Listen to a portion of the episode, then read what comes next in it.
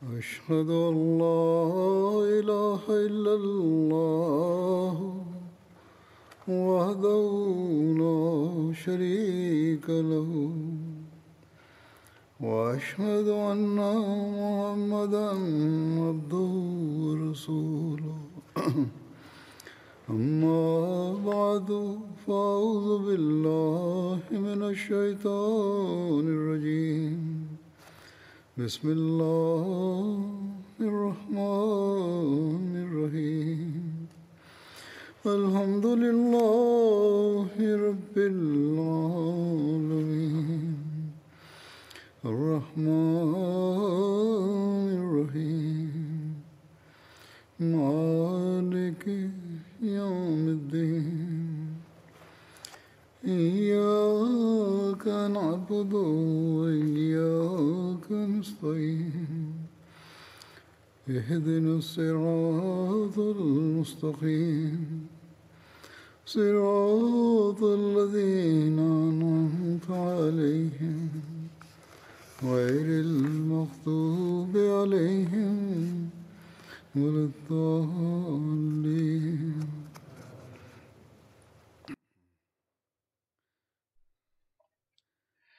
ذكر عهد عمر رضي الله عنه مستمر. وسأتناول بهذا الصدد اليوم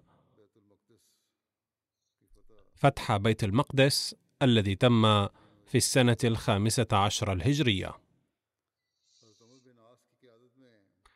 لما حاصر الجيش الإسلامي بيت المقدس تحت قيادة عمرو بن العاص انضم إليه جيش أبي عبيدة أيضا. سئم النصارى من التحصن فطلبوا الصلح واشترطوا أن يتولى عمر بن الخطاب رضي الله عنه بنفسه عقد الصلح.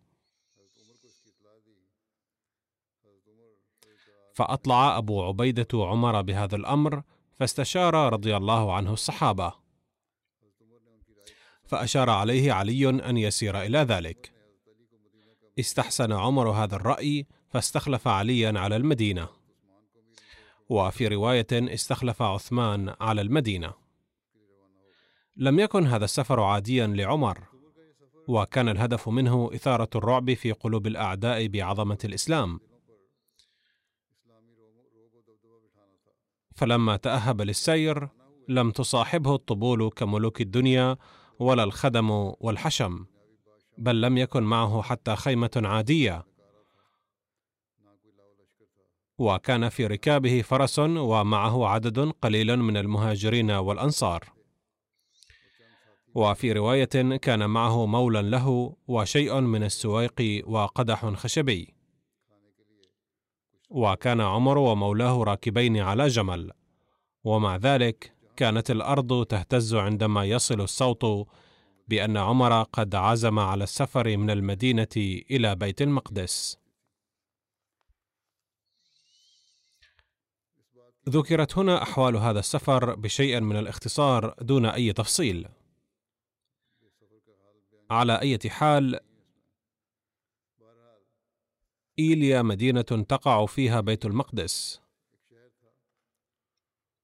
ومن حاصرها ومن كتب إلى عمر أن يأتي إلى بيت المقدس فقد ورد في الطبري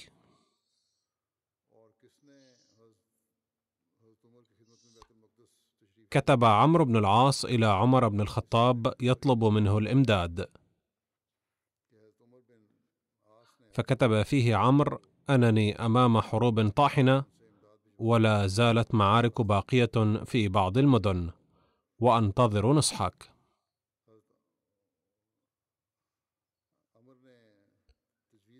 فلما وصلت هذه الرسالة إلى عمر بن الخطاب فهم أن عمرو بن العاص كتب له هذه المعلومات بعد بحث وتحر. فأعلن بين الناس عن سيره وخرج لهذا السفر.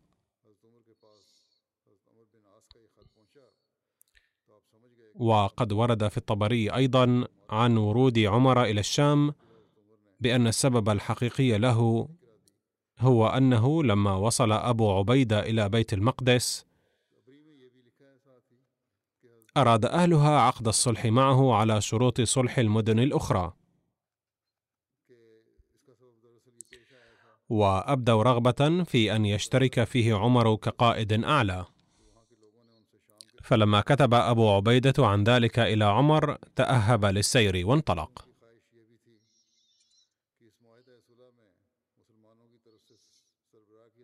ولكن بعض المؤرخين لا يرتاحون لهذه الرواية. وكتب محمد حسين هيكل بهذا الخصوص يجب أن نستبعد الرواية القائلة بأن خالد بن الوليد أو أبو عبيدة بن الجراح حاصر أحدهما بيت المقدس أو كلاهما على ما ذكره الطبري وابن الأثير وابن كثير وغيرهم.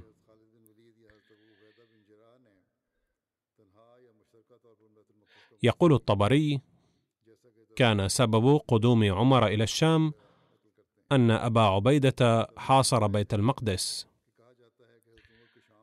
فطلب أهله منه أن يصالحهم على شروط صلح مدن الشام.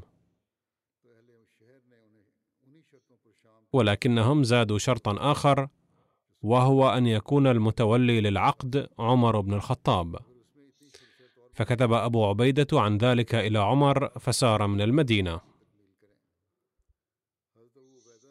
يقول هيكل بأننا نستبعد هذه الرواية لأن أبا عبيدة وخالدا كانا حين حصار بيت المقدس في شغل بفتح حمص وحلب وأنطاكية.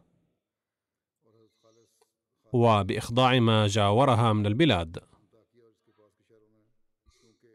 وأن هرقل كان إزاءهما بالرهاء يجمع الجيوش لردهما على أعقابهما. وقد كان ذلك كله كما كان حصار بيت المقدس في السنة الخامسة عشرة من الهجرة الموافق وستة وثلاثين للميلاد. يقول هيكل والراجح أن حصار بيت المقدس استطال شهورا من تلك السنة. كان هذان القائدان يسيران في أثنائها بأقصى الشمال من سوريا حتى يضطرا هرقل فيرحل إلى عاصمة ملكه.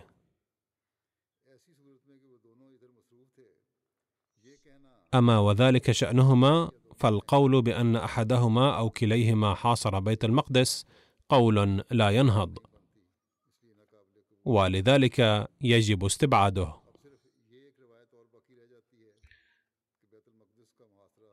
بقية الرواية القائلة بأن عمرو بن العاص هو الذي حاصر بيت المقدس وأن حصاره لها طال. لقد كتب عن ذلك الطبري أيضا أن أهل بيت المقدس قاوموا المسلمين مقاومة عنيفة. وهذه هي الرواية الراجحة في رأينا لأنها تتفق مع ما عرف عن بيت المقدس من مقاومة كل من أقدموا على غزوها في مختلف العصور. يقول محمد حسين هيكل ومن العجب أن يسير عمر بالجيوش لغير شيء إلا أن يتم الصلح ويكتب عهده. ومن العجب كذلك أن يطلب أهل بيت المقدس أن يقدم عمر من المدينة ليتم الصلح معهم وهم يعلمون أن بينه وبينهم مسيرة أسابيع ثلاثة تطرد العير في أثنائها مقبلة من المدينة إليهم. لذلك الأرجح أن عمر ضاق صبرا بطول الحصار وبكتابة عمرو إليه عن بأس عدوه وأنه أمده. فلما طلب إليه مددا جديدا خرج مع المدد حتى نزل الجابية بين بادية الشام وأرض الأردن. وكان أبو عبيدة وخالد بن الوليد قد فرغا من إخضاع الشام فدعاهما ليوافياه إلى الجابية حتى يتشاور معهما ومع غيرهما من قادة المسلمين في أنجع الطرق للقضاء على مقاومة المدينة المحاصرة.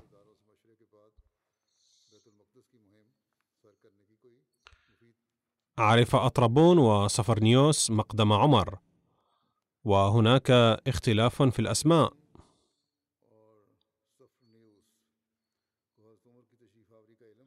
فقد ورد في الكتب العربية أرطبون ولكنه ليس صحيحا وفق تحقيق هيكل.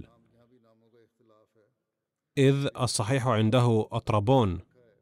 أما صفرنيوس فقد ورد في الكتب العربية صفر نيوس يقول وعرف أطربون وصفرنيوس ما نزل بالروم على أيدي أبي عبيدة وخالد من مصائب.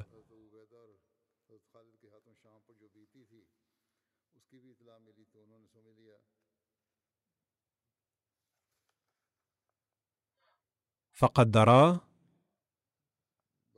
أن المدينة لن تستطيع المقاومة طويلا من بعد. أي لما طلب عمر من أبي عبيدة وخالد أن يأتيا ليتشاورا معهما عن خطة مستقبلية عرف عند ذلك القائدان المذكوران للأعداء أنه لا يمكن أن تستمر مقاومتهم طويلا. فانسحب أطربون مستخفيا في قوة من الجند إلى مصر. فلما اطمأن البطريرك الشيخ إلى نجاته تولى مفاوضة المسلمين في تسليم المدينة. وإذ كان قد علم أن أمير المؤمنين بالجابية فقد اشترط أن يأتي بنفسه ليكتب عهدها وليس بين الجابية وبيت المقدس ما يتعذر إجابة صفرنيوس إلى طلبه. يقول هيكل هذا ما أرجحه. وهو يتفق مع سياق التاريخ لوقائع الغزو بالشام وفلسطين.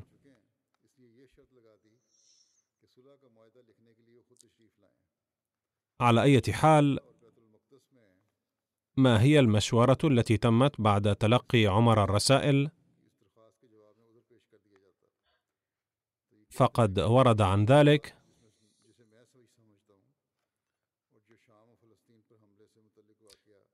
أن عمر جمع الصحابة المقربين وشاورهم. فقال عثمان إن النصارى قد تحطمت قلوبهم وهم مذعورون. ولو رفضت طلبهم سيكون هذا بمثابة مذلة أخرى وهم يحسبون أن المسلمين يحقرونهم جميعا وأنهم سيلقون السلاح بدون أي شرط. ولكن خلف علي رضي الله عنه هذا الرأي وأشار على عمر بالسير إلى إيليا.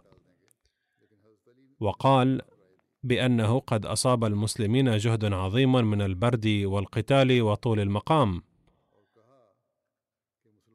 فإذا قدمت عليهم كان لك وللمسلمين الأمن والعافية والصلاح. ولست آمن أن ييأسوا منك ومن الصلح فسوف يتحصنون وتصلهم النجدة من بلادهم ومن ملك الروم أيضا. وخاصة لأن بيت المقدس حائز على عظمة كبيرة عندهم وهم يزورونه.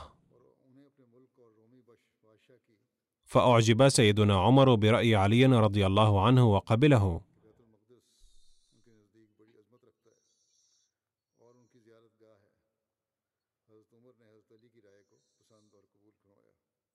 في هذا السفر كان يرافق سيدنا عمر سيدنا عباس بن عبد المطلب أيضا.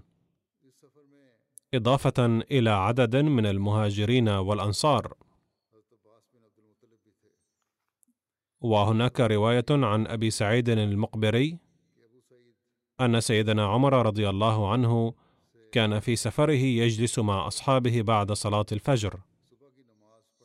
ويتوجه إليهم ويقول الحمد لله الذي أكرمنا بالإسلام والإيمان وشرفنا بمحمد رسول الله صلى الله عليه وسلم وهدانا به عن الضلال وجمعنا من الافتراق إلى الفرق وألف بين قلوبنا وجعلنا ونصرنا به على الأعداء ومكننا في شتى البلاد وجعلنا بفضله صلى الله عليه وسلم إخوانا متحابين. فاحمدوا الله على هذه النعم واستعينوا به واسألوا الله التوفيق لشكره على هذه النعم. والنعم التي تسيرون فيها اسألوا الله أن يتمها عليكم لأنه عز وجل يريد الرغبة إليه ويتم نعمه على الشاكرين. فظل سيدنا عمر يكرر هذا القول كل صباح خلال السفر إلى أن عاد ولم يتركه حتى كان يعطي هذه الرسالة الوحيدة كل يوم. كان الأمراء المسلمون قد بلغوا أن يقابلوه في الجابية. وبحسب ذلك استقبله هناك يزيد بن أبي سفيان وخالد بن الوليد وغيرهما. بعد العيش في الشام لم تكن بقيت في أولئك الأمراء بساطة العرب. فحين جاءوا إلى سيدنا عمر كانوا يرتدون أقبية غالية من الحرير والديباج. وكانوا بسبب لباسهم البراق وجلالهم وشوكتهم يبدو وكانهم من العجم.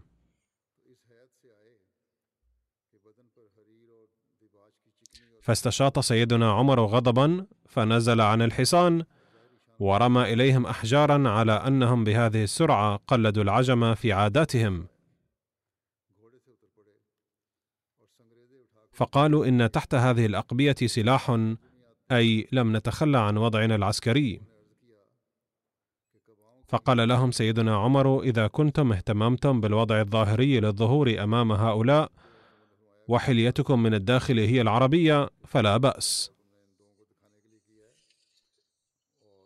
وفي رواية أن يزيد بن أبي سفيان قال يا أمير المؤمنين إن الثياب والدواب عندنا كثيرة والعيش عندنا رفيع والسعر رخيص وحال المسلمين كما تحب. فلو أنك لبست من هذه الثياب البيض وركبت من هذه المراكب الرائعة وأطعمت المسلمين من هذا الطعام الكثير كان أذيع للصيت. وأزين لك في إدارة شؤون البلاد وأكثر تعظيما لك عند الاعاجم فقال له يا يزيد والله لن أدع الوضع والهيئة التي فارقت عليها صاحبي أي رسول الله صلى الله عليه وسلم وأبي بكر رضي الله عنه فلسوف أبقى هكذا مثلهما. ولن أتزين للناس لأني أخشى أن يشينني عند ربي ولا أريد أن يعظم أمري عند الناس ويصغر كثيرا عند الله. فلم يزل عمر رحمه الله على الأمر الأول الذي كان عليه في حياة رسول الله صلى الله عليه وسلم وحياة أبي بكر رضي الله عنه حتى رحل من الدنيا. كيف أبرم عقد الصلح بين المسلمين والنصارى؟ وأين أبرم عند أهل ايلياء فقد كتب عن ذلك أكثر المؤرخين. أن عقد الصلح بين المسلمين والنصارى كان قد أبرم في الجابية. فقد ورد أن سيدنا عمر رضي الله عنه كان يجلس مع جنده حتى تراءى فجأة فارسان يقدمان بسرعة وكانت سيوفهما تلمع. فأمسك المسلمون سلاحهم فورا. فسألهم سيدنا عمر ما خطبكم؟ أشار الناس إلى الفارسين فقال لهم لا تخافوا فهما يأتيان مستجيرين. فكانا من سكان ايلياء فكتب لهما عقد السلام. وفي رواية أوردها البلاذري ومحمد حسين هيكل أن عقد السلام أبرم في ايلياء بدلا من الجابية. إلا أن محمد حسين هيكل قد كتب في موضع آخر من كتابه أن العقد أبرم في الجابية وعقد السلام الذي أبرم بين المسلمين وأهل ايلياء قد ورد في تاريخ الطبري كالتالي. بسم الله الرحمن الرحيم. هذا ما أعطى عبد الله عمر أمير المؤمنين أهل إيلياء من الأمان. أعطاهم امانا لأنفسهم وأموالهم ولكنائسهم وصلبانهم وسقيمها وبريئها وسائر ملتها. أنه لا تسكن كنائسهم ولا تهدم ولا ينتقص منها ولا من حيزها ولا من صليبهم ولا من شيء من أموالهم ولا يكرهون على دينهم ولا يضار أحد منهم ولا يسكن بإيلياء معهم أحد من اليهود وعلى أهل إيلياء أن يعطوا الجزية كما يعطي أهل المدائن وعليهم أن يخرجوا منها الروم واللصوص فمن خرج منهم فإنه آمن على نفسه وماله حتى يبلغوا مأمنهم ومن أقام منهم فهو آمن وعليه مثل ما على أهل إيلياء من الجزية. ومن أحب من أهل إيلياء أن يسير بنفسه وماله مع الروم ويخلي بيعهم وصلبهم فإنهم آمنون على أنفسهم وعلى بيعهم وصلبهم حتى يبلغوا مأمنهم. ومن كان بها من أهل الأرض قبل مقتل فلان فمن شاء منهم قعدوا عليه مثل ما على أهل إيلياء من الجزية. ومن شاء سار مع الروم ومن شاء رجع إلى أهله فإنه لا يؤخذ منهم شيء حتى يحصد حصادهم. وعلى ما في هذا الكتاب عهد الله وذمة رسوله وذمة الخلفاء وذمة المؤمنين إذا أعطوا الذي عليهم من الجزية. شهد على ذلك حضرة خالد بن الوليد وحضرة عمرو بن العاص وحضرة عبد الرحمن بن عوف وحضرة معاوية بن أبي سفيان. وقد ورد في تاريخ ابن خلدون أن من هذا العقد يثبت أمور تالية. أن المسلمين لم ينشروا دينهم بحد السيف. وأن أصحاب الأديان الأخرى كانوا يتمتعون بحرية دينية كبيرة. وأن الجزية لم تكن تؤخذ من الشعوب الأخرى عنوة. بل كان لهم الخيار في الإقامة والجزية وتم توفير الأمن لهم في كلا الحالين. حين وصل هذا الخبر أهل الرملة تلهفوا لعقد مثل هذا العقد مع أمير المؤمنين. وكذلك كان حال غيرهم من فلسطين. كتب من قبل سيدنا عمر رضي الله عنه إلى أهل اللد عقد يشمل المدن التي كانت قابلة طاعة المسلمين بعدها. في هذا المكتوب كتب سيدنا عمر لأهل اللد أن لأنفسهم وأموالهم ولكنائسهم وصلبانهم وسقيمهم وبريئهم وسائر ملتهم امانا وأنهم إذا دفعوا الجزية مثل مدن الشام فلن يكره على دينهم ولن يضار أحدهم لاختلاف العقيدة. وبعد الفراغ من كل هذه الأمور وزع فلسطين على رجلين فجعل علقمة بن حكيم على نصفها وأنزله الرملة وعلقمة بن مجزر على نصفها وأنزله إيليا. ثم جاء سيدنا عمر إلى بيت المقدس وعن ذلك ورد أن سيدنا عمر حين أعطى امانا لأهل ايلياء وأقام الجنود فيها توجه من الجابية إلى بيت المقدس. ورد أن عمر حين ركب الفرس شعر أنه يتعثر في السير من الألم فأحضر له فرس تركي. وركبه فبدأ يتخلع به فنزل. وبعد بضعة أيام طلب حصانه الذي كان تركه للعلاج وركبه حتى وصل بيت المقدس. وعندما اقترب من بيت المقدس جاء أبو عبيدة وأمراء الجيش لاستقباله وكانت ملابس عمر وأمتعته بسيطة جدا حتى خشي المسلمون مغبة تأثيرها على النصارى. فأحضروا له ثوبا ثمينا فقال عمر إن الله تعالى أعزنا بالإسلام وذلك يكفينا. إن القساوسة المسيحيين سلموا عمر مفاتيح المدينة فذهب اولا إلى المسجد الأقصى ثم ذهب في كنيسة النصارى وظل ينظر إليها وبينما كان يزورها حان وقت الصلاة فسمح له النصارى بالصلاة في الكنيسة. ولكن عمر صلى في الخارج لكي لا تتخذ الأجيال القادمة من موقفه هذا حجة للتدخل في معابد النصارى. وبدأ أمراء جيش المسلمين يدعون عمر إلى المآدب فكانوا يحضرون الطعام ويطلبون من عمر أن يشرفهم في خيمهم. فكان عمر يشرفهم بقبول دعوتهم ولكن لم يدعوه أبو عبيدة فقال عمر له ليس من أمير في جيشك إلا دعاني. فقال أبو عبيدة إنني أخشى أن تعصر عينيك علي لن تتمالك عواطفك. فدخل عمر خيمة أبي عبيدة فلم يجد فيها شيئا إلا لبدا وترسا وكان يتخذ اللبد سريرا والترس وسادة. وكان في زاوية الخيمة رغيفا جافا فجاء به أبو عبيدة ووضعه أمام عمر ثم جاء بالملح وبوعاء طيني للماء. وحين رأى عمر ذلك بكى.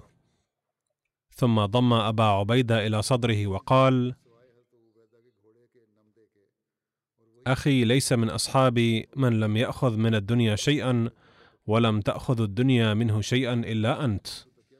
فقال أبو عبيدة أولم أقل لك من قبل أنك لن تتمالك عينيك؟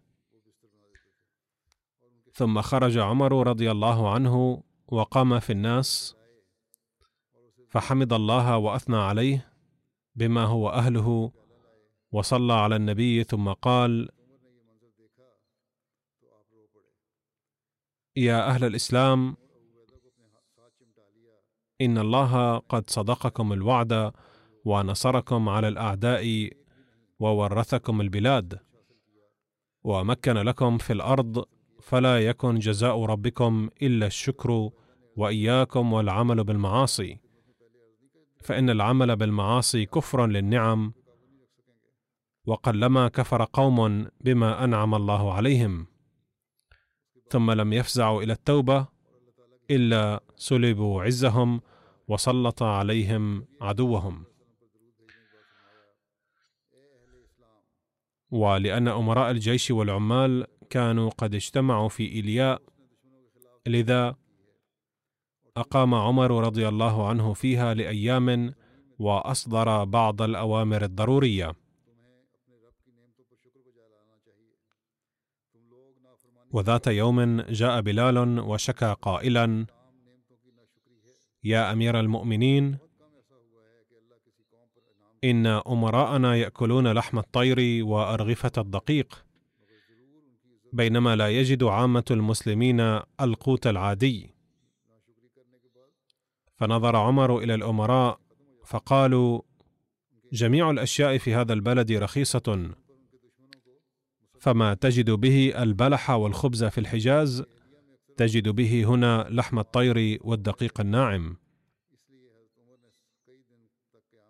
فلم يرغم عمر الأمراء لكنه أمرهم أن يخصصوا الطعام لكل جندي إضافة إلى الغنائم والراتب. وتفصيله رواية أخرى قال فيها يزيد بن أبي سفيان يا أمير المؤمنين إن سعر بلادنا هذه رخيص. وإنا لنصيب ما قاله بلال ها هنا مثل ما كنا نقوت به أنفسنا مدة من الزمان في الحجاز. فقال عمر إن الأمر كما ذكرت فكلوا هنيئا مريئا. ولست أبرح من مكاني حتى تجمعوا إلي من في المنازل.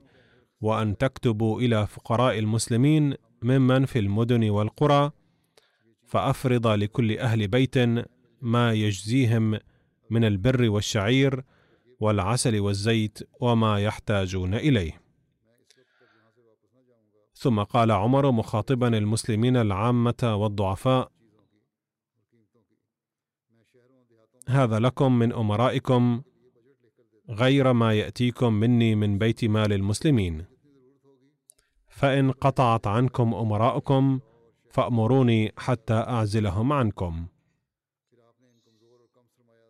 وأثناء إقامته في ايلياء ذات يوم يوم حان وقت الصلاة أصر عمر رضي الله عنه على بلال رضي الله عنه أن يؤذن. فقال بلال لقد عزمت ألا أؤذن لأحد بعد رسول الله ولكن اليوم سأطيع أمرك. فحين أذن بلال تذكر جميع الصحابة عهد رسول الله صلى الله عليه وسلم وطرأت عليهم حالة من الوجد حتى اضطربوا من كثرة البكاء المتواصل واختنق عمر أيضا في البكاء وظل هذا التأثير ردحا من الوقت.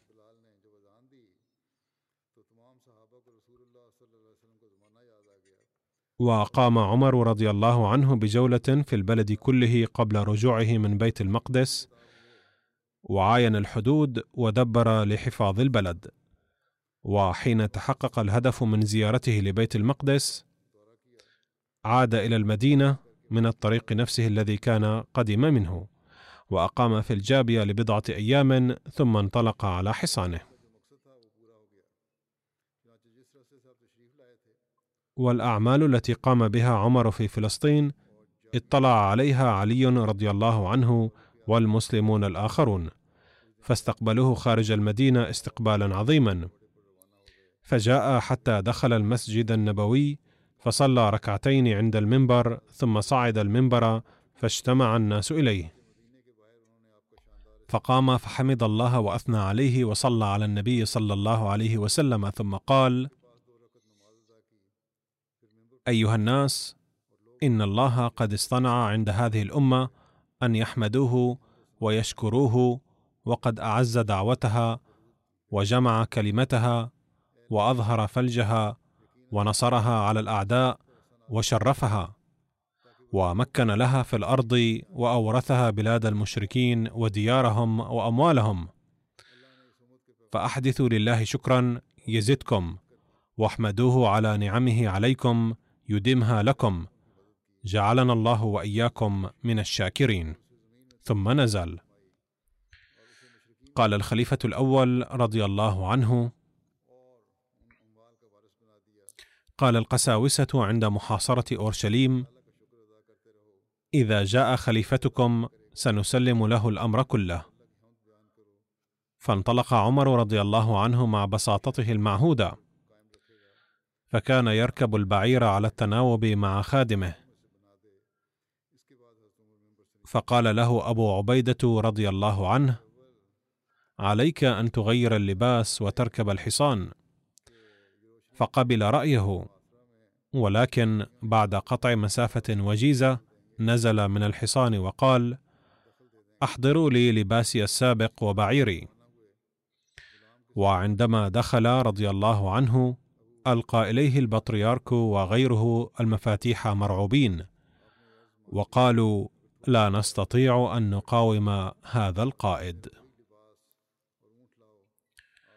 ذكر الخليفة الأول بهذا الأسلوب وقال سيدنا المصلح الموعود رضي الله عنه بهذا الشأن في أورشليم هناك معبد وهو مقدس لليهود كقداسة الكعبة عندنا. عندما فتحت أورشليم على يد المسلمين أراد النصارى أن يصلي عمر رضي الله عنه في معبدهم. ولكنه رضي الله عنه قال أخشى أن يتخذه المسلمون معبدا لهم لو صليت فيه. فصلى خارجه. ثم يقول المصلح الموعود رضي الله عنه لقد فتحت فلسطين في عهد عمر رضي الله عنه. ولما قدم أورشليم خرج القساوسة لاستقباله وسلموا له مفاتيح المدينة. وقالوا له أنت ملكنا الآن فتعال وصل ركعتين في مسجدنا حتى تطمئن أنك قد صليت في مكاننا المقدس الذي هو مقدس عندكم أيضا. فقال لهم عمر رضي الله عنه لن أصلي في مسجدكم لأني خليفة المسلمين فأخاف أن ينتزعوه منكم غدا محتجين بأنه من الأماكن المقدسة لهم. لذا سأصلي في الخارج حتى لا ينزع منكم مسجدكم. باختصار قام الرومان بمحاولة أخيرة في العام السابع عشر من الهجرة وبسبب محاولتهم هذه أحرز المسلمون فتحا كاملا على الشام. ولما كانت دائرة فتوحات المسلمين وحدود الحكومة الإسلامية تتوسع يوما إثر يوم باستمرار نشأ الذعر في الحكومات المجاورة تلقائيا أن نوبتهم أيضا موشكة. فكتب أهل الجزيرة الساكنون بين العراق والشام الذين كانوا قد يئسوا بعد فرار يزدجر إلى الري إلى هرقل ما مفاده لو أرسلت جيشا عن طريق البر لمحاربة المسلمين وطردهم من مناطق فتحوها لساعدناك. تأمل هرقل في الأمر وتوصل إلى نتيجة أنه لا ضير في فعل ذلك.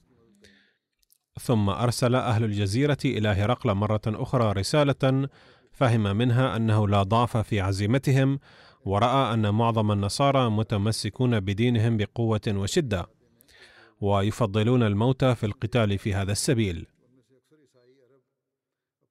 وكان قد مضى أكثر من عام على مغادرة هرقل ميدان القتال في الشام. فلم يكن في قلبه خوف كسابق عهده. وقد رأى أيضا أن معظم المناطق الحدودية قوية لدرجة قدرتها على مقاومة هجمات المسلمين. وكان اسطوله البحري أيضا محفوظا إلى ذلك الحين. وكان هرقل يعلم أن المسلمين يخافون البحر وكل ما يأتي من البحر. وهذا الأمر أدى إلى تقوية إرادته. فمال إلى قبول طلب أهل الجزيرة. فحرض في مكتوبه تلك القبائل وقوى عزيمتهم وقال لقد أمرت السفن بالانطلاق وستصل قريبا من الإسكندرية إلى أنطاكيا حاملة الجيش والأسلحة الحربية. فباستلام رسالة هرقل انطلقت القبائل من الجزيرة إلى حمص مع جيش قوامه ثلاثون ألف جندي. ولما علم أبو عبيدة رضي الله عنه بذلك استدعى خالد بن الوليد من قنسرين للاستشارة. فقرر القائدان أن تجتمع جيوش المسلمين كلها في شمال الشام لمواجهة العدو. فجمعت في حمص جيوش من أنطاكيا وحما وحلب ومن معسكرات قريبة. ومن ناحية ثانية انتشر الخبر في البلد كله أن جيوش هرقل قادمة عن طريق البحر وأن قبائل الجزيرة قد انطلقت إلى حمص لشن الهجوم. فجعل الناس يتساءلون بعضهم بعضا ما السبيل إلى صد هجوم جديد من قيصر وحلفائه؟ وعندما وصلت سفن هرقل إلى أنطاكيا فتحت أبواب المدينة للجيش وتحول الناس ضد المسلمين واشتعلت نيران التمرد في شمال الشام كله. ووجد أبو عبيدة رضي الله عنه نفسه محصورا في حمص إذ قد حاصرها العدو من جميع الجوانب. ورأى أن الجيش يتقدم إليه من الجانبين أي من البحر والصحراء. فجمع أصحابه وقال بأنه بعث رسالة إلى أمير المؤمنين وطلب منه العون في هذا الموقف الحرج. ثم استشارهم. هل يجب أن نحارب العدو خارج المدينة أو لننتظر المدد القادم من المدينة ونقاتلهم متحصنين؟ رأى خالد بن الوليد بالقتال خارج المدينة. أما بقية القادة فقد فضلوا التحصن وطلب المدد على جناح السرعة. فقبل أبو عبيدة رأي القائلين بالتحصن ولم يقبل رأي خالد بن الوليد القائل بالمواجهة خارج المدينة.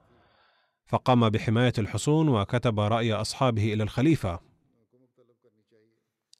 كان سيدنا عمر رضي الله عنه لا يهمل أنه لو واجه الجيش الإسلامي من قبل العراق والشام أيضا خطرا مثله لتعرضت فتوحات المسلمين لابتلاء كما واجهته من قبل أي في بداية عهده رضي الله عنه. وبناء على ذلك أمر عمر رضي الله عنه بعمارة البصرة والكوفة واتخذ هاتين المدينتين معسكرا للمسلمين بحيث لم يسكنها أحد من غير المسلمين. وإضافة إلى ذلك عين في كل من سبع مدن أخرى أربعة آلاف فارس مسلحين وجاهزين في كل حين لمعالجة الحاجات الطارئة. وصلت رسالة أبي عبيدة رضي الله عنه إلى الخليفة وشعر رضي الله عنه أن هذا القائد العظيم للمسلمين محاط بخطر كبير. فأمر سعدا بن أبي وقاص فورا وقال أرسل قعقاع بن عمرو إلى حمص مع الجيش فور تلقيك رسالتي هذه لأن أبا عبيدة محاصر هناك أي يجب أن يصله المدد والعون بأسرع وقت ممكن. نفذ سعد أمر أمير المؤمنين في اليوم نفسه وانطلق جيش قوامه أربعة آلاف فارس محنك تحت إمرة القعقاع من الكوفة إلى حمص.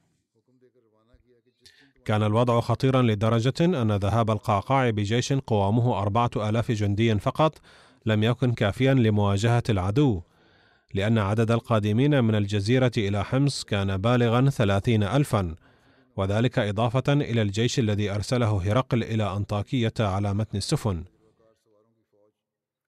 كان عمر رضي الله عنه يعرف جيدا أن رجاله يواجهون في كافة مدن الشام أهلها، فلو تركوا تلك المدن وغادروا إلى حمص لاختل النظام كله في الشام.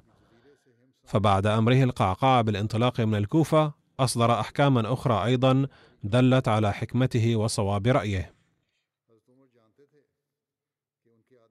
لقد تشجعت القبائل القادمة من الجزيرة إلى حمص على ذلك لمعرفتها أن قراهم في مأمن من هجمات المسلمين، فلو شن الهجوم على تلك القرى لكان من شأنه أن يؤدي إلى عودة تلك القبائل على أدراجهم وإلى التخفيف من الضغط على أبي عبيدة وجيشه.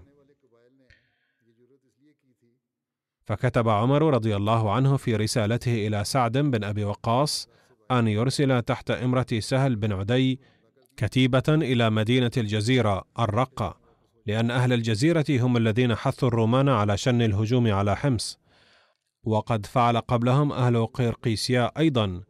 كذلك أرسلت كتيبة أخرى تحت إمرة عبد الله بن عتبان لغزو نصيبين لأن أهل قرقيسيا حرضوا سكان نصيبين أيضا على أن يهاجموا.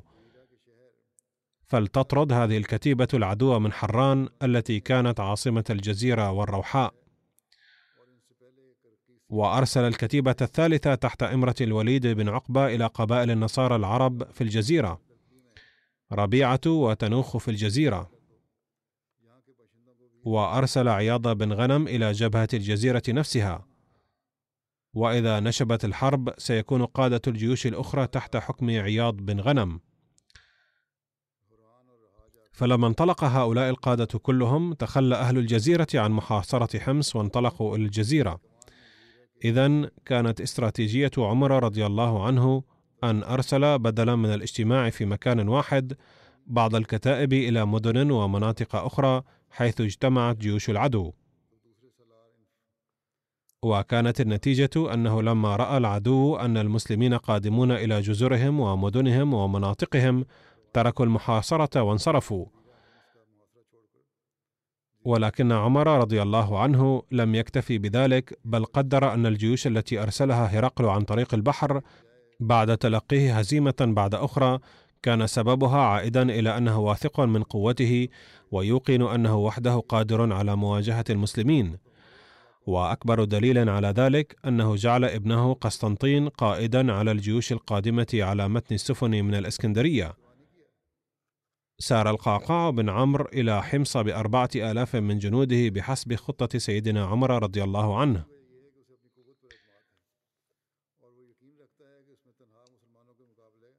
وخرج سهيل بن عدي وعبد الله بن عتبان والوليد بن عقبة وعياض بن غنم لمعاقبة أهل الجزيرة في مختلف مدنها. وسار سيدنا عمر رضي الله عنه من المدينة قاصدا حمص وأقام في الطريق بالجابية. وانضم أهل الجزيرة إلى الروم لمحاصرة أهل حمص. وبلغهم خبر خروج الجنود الإسلامية ولكنهم لم يعرفوا ما إذا كانت هذه الجنود خرجت للدفاع عن حمص أم أنها ستغير على مدنهم في الجزيرة. فتفرقوا إلى بلادهم لحماية مدنهم وإخوانهم وفارقوا الروم. واستيقظ أبو عبيدة ذات صبيحة فإذا بقبائل الجزيرة قد رجعت إلى بلادها ولم يبقى لمواجهة المسلمين إلا جنود هرقل.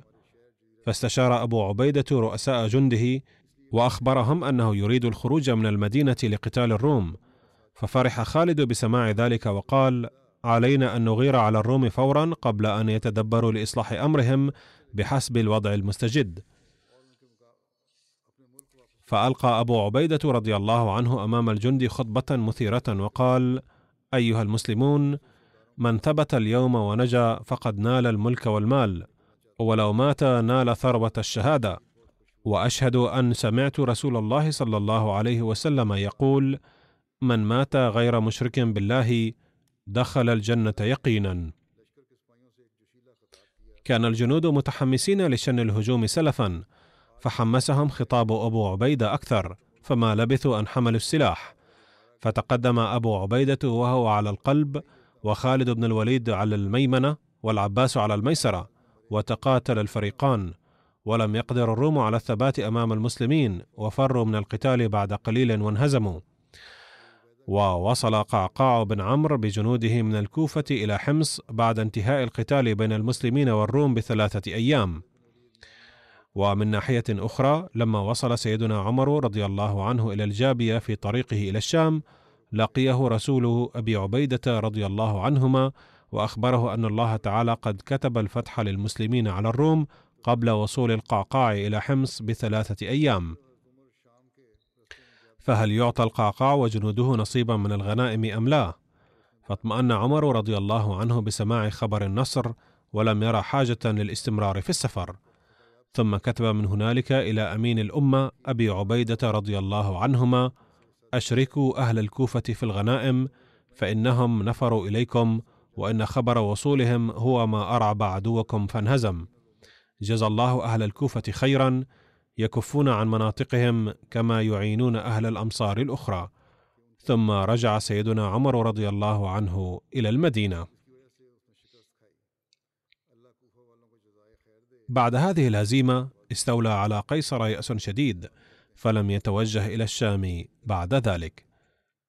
ولما بلغ المتمردين أن الروم قد فروا في سفنهم خمدت نار تمردهم تلقائيا. وكانت هذه الوقعة في السنة السابعة عشر من الهجرة ثم مات قيصر بعد ثلاثة أعوام أي في العام العشرين الهجري الموافق عام 641 الميلادي. سوف أواصل بقية هذا الحديث في الأيام القادمة إن شاء الله. سوف أذكر الآن بعض المتوفين وأولهم تشودري سعيد أحمد لكان. مدير محطة القطار سابقا وكان مقيما في كندا حاليا. لقد توفي وعمره 86 عاما. إنا لله وإنا إليه راجعون. كان حفيدا لاثنين من أصحاب المسيح الموعود عليه السلام وهما حضرة تشودري سكندر علي رضي الله عنه وحضرة السيدة جوجر بيبي رضي الله عنها. بايع حضرة تشودري سكندر علي رضي الله عنه على يد المسيح الموعود عليه السلام في الثلاثين من مارس عام 1902 وخدم الجماعة معلما في مدرسة تعليم الإسلام من عام 1904 إلى عام 1928 كان رضي الله عنه من رواد أساتذة مدرسة تعليم الإسلام الذين استخدمهم المسيح الموعود عليه السلام للتدريس فيها. وتشودري سعيد حفيد هذا الصحابي. لقد وفق الله بفضله المرحوم تشودري سعيد أيضا لخدمة الدين. كان منخرطا في نظام الوصية بفضل الله تعالى. ترك وراءه أرملته وستة أبناء وثلاث بنات. ونتيجة تربيتهما الصالحة يخدم أولادهما كلهم الجماعة بشكل أو آخر. فأحد أبنائه السيد فهيم أحمد لكهن داعية يخدم في كينيا ولم يستطع حضور جنازة والده لكونه بعيدا في مجال الدعوة. ألهمه الله الصبر والسلوان والهمة وتغمد المرحوم بواسع الرحمة والمغفرة. كان المرحوم شديد الغيرة على الدين. في أيام دراسته كان حاضرا مع الطلاب الآخرين من غير جماعتنا في اجتماع عقده مجلس الأحرار في المدرسة الثانوية في مدينة سمندري عام 1953 فوجه الشيخ عطاء الله شاه بخاري في خطابه تهما شنيعة إلى سيدنا المسيح الموعود عليه السلام واستخدم ضده لغة بذيئة جدا. فما كان من السيد سعيد إلا أن قام وتحدى الشيخ وهو يخطب وقال له إنك كذاب حتى أفحمه. فقال الشيخ للقوم خذوا هذا المرزائي وأوسعوه ضربا فضربوه ضربا مبرحا. ولكن حصلت الفوضى في الاجتماع وتفرق الناس وتشتتوا.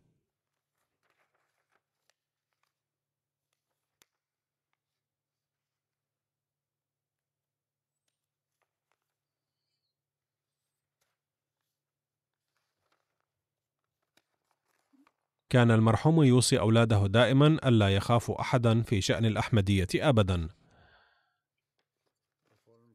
والذكر الثاني هو للمرحوم محمد شهاب الدين نائب أمير الجماعة ببنغلاديش حيث توفي في الثاني عشر من يوليو المنصرم. إنا لله وإنا إليه راجعون. انضم إلى الأحمدية بناء على رؤية في عام 1964 حين كانت سنه لا تزال ثمانية عشر عاما. كان منخرطا في نظام الوصية.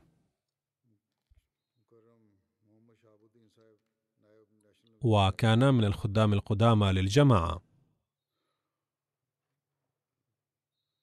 كان ذا شمائل جمة كان فدا للخلافة قوي الإيمان أمينا قليل الكلام وشديد الإدراك لمصالح الجماعة ومنافعها.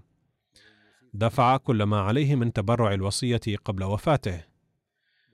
يعمل ابنه الأكبر السيد شمس الدين أحمد معصوم داعية في الجماعة. لقد رزق المرحوم أربع أبناء وثلاث بنات.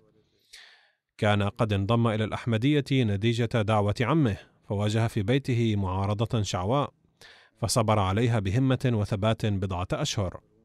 ثم في عام 1963 غادر بيته وأهله وهاجر إلى برهمان بريا ثم انتقل إلى دكة واستوطنها. ثم بعد ذلك تزوج في أسرة عريقة في الأحمدية. كان من شمائله المتميزة القناعة. كان يرضى بالقليل وكان يعلم جيدا كيف يعيش بالقليل صابرا شاكرا. بسبب أمانته كان يحظى باحترام كبير من قبل التجار غير الأحمديين أيضا. وكان الجميع يعدونه من التجار الصالحين جدا. تغمد الله المرحوم بواسع رحمته ومغفرته. والذكر التالي هو للمرحوم راؤول عبد الله من الأرجنتين. كان من سكان الأرجنتين الأصليين حيث وافته المنية في السادس من سبتمبر أيلول إنا لله وإنا إليه راجعون لقد كتب داعيتنا في الأرجنتين كان المرحوم من أوائل الأحمديين بهذا البلد. علما أن جماعتنا بالأرجنتين حديثة جدا حيث تأسست قبل بضع سنوات فقط. تعرف المرحوم على الجماعة الإسلامية الأحمدية أول مرة في معرض للكتب عام 2018 وعندما بدأ يتواصل مع الجماعة حاول أصدقاؤه المسلمون من غير جماعتنا أن ينفروه منها. ولكنه ظل يحضر مجالس وبرامج جماعتنا بانتظام. غير أن بعض الشكوك والشبهات أيضا ظلت تساور قلبه بتأثير أصدقائه. فحضر جلستنا السنوية في المملكة المتحدة على نفقته الخاصة للتحقق من هذه الشكوك. ولقيني أيضا هنا وبعد اللقاء زال كل ما عنده من شكوك وشبهات وانشرح صدره تماما وبايع أيضا. والحق أنه كان أحمديا قبل هذه البيعة أيضا وكان يبلغ الناس دعوة الأحمدية ولكنه قام بالبيعة الرسمية بعد المجيء هنا. لم يبرح أصدقاؤه حتى آخر لحظة يسعون لإبعاده عن الأحمدية ولكنه ظل ثابتا متمسكا بالأحمدية. كان يكن غيرة شديدة للجماعة وكان يعرف نفسه بكل فخر للأحباب والأغيار أنه أحمدي. كان يشارك في أنشطة الجماعة بمنتهى الإخلاص والحماس.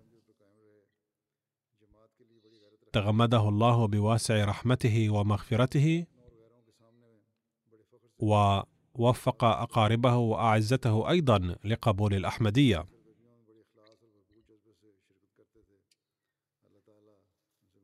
سوف أصلي على كل هؤلاء المتوفين جنازة الغائب بعد أداء الصلوات.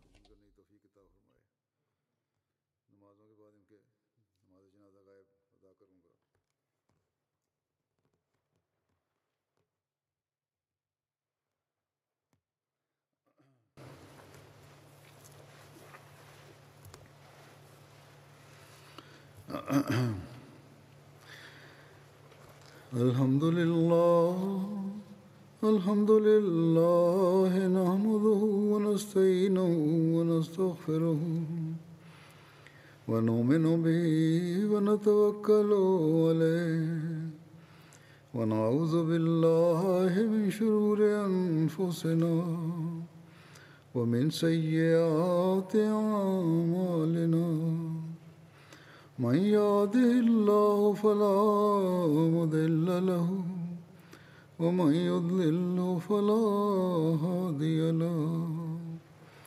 ونشهد أن لا إله إلا الله ونشهد أن محمدا عبده ورسوله.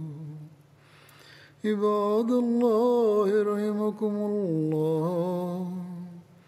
إن الله يأمر بالعدل والإحسان وإيتاء ذي القربى وينهى عن الفحشاء والمنكر والبغي يعظكم لعلكم تذكرون اذكروا الله يذكركم وادعوه يستجب لكم ولذكر الله أكبر.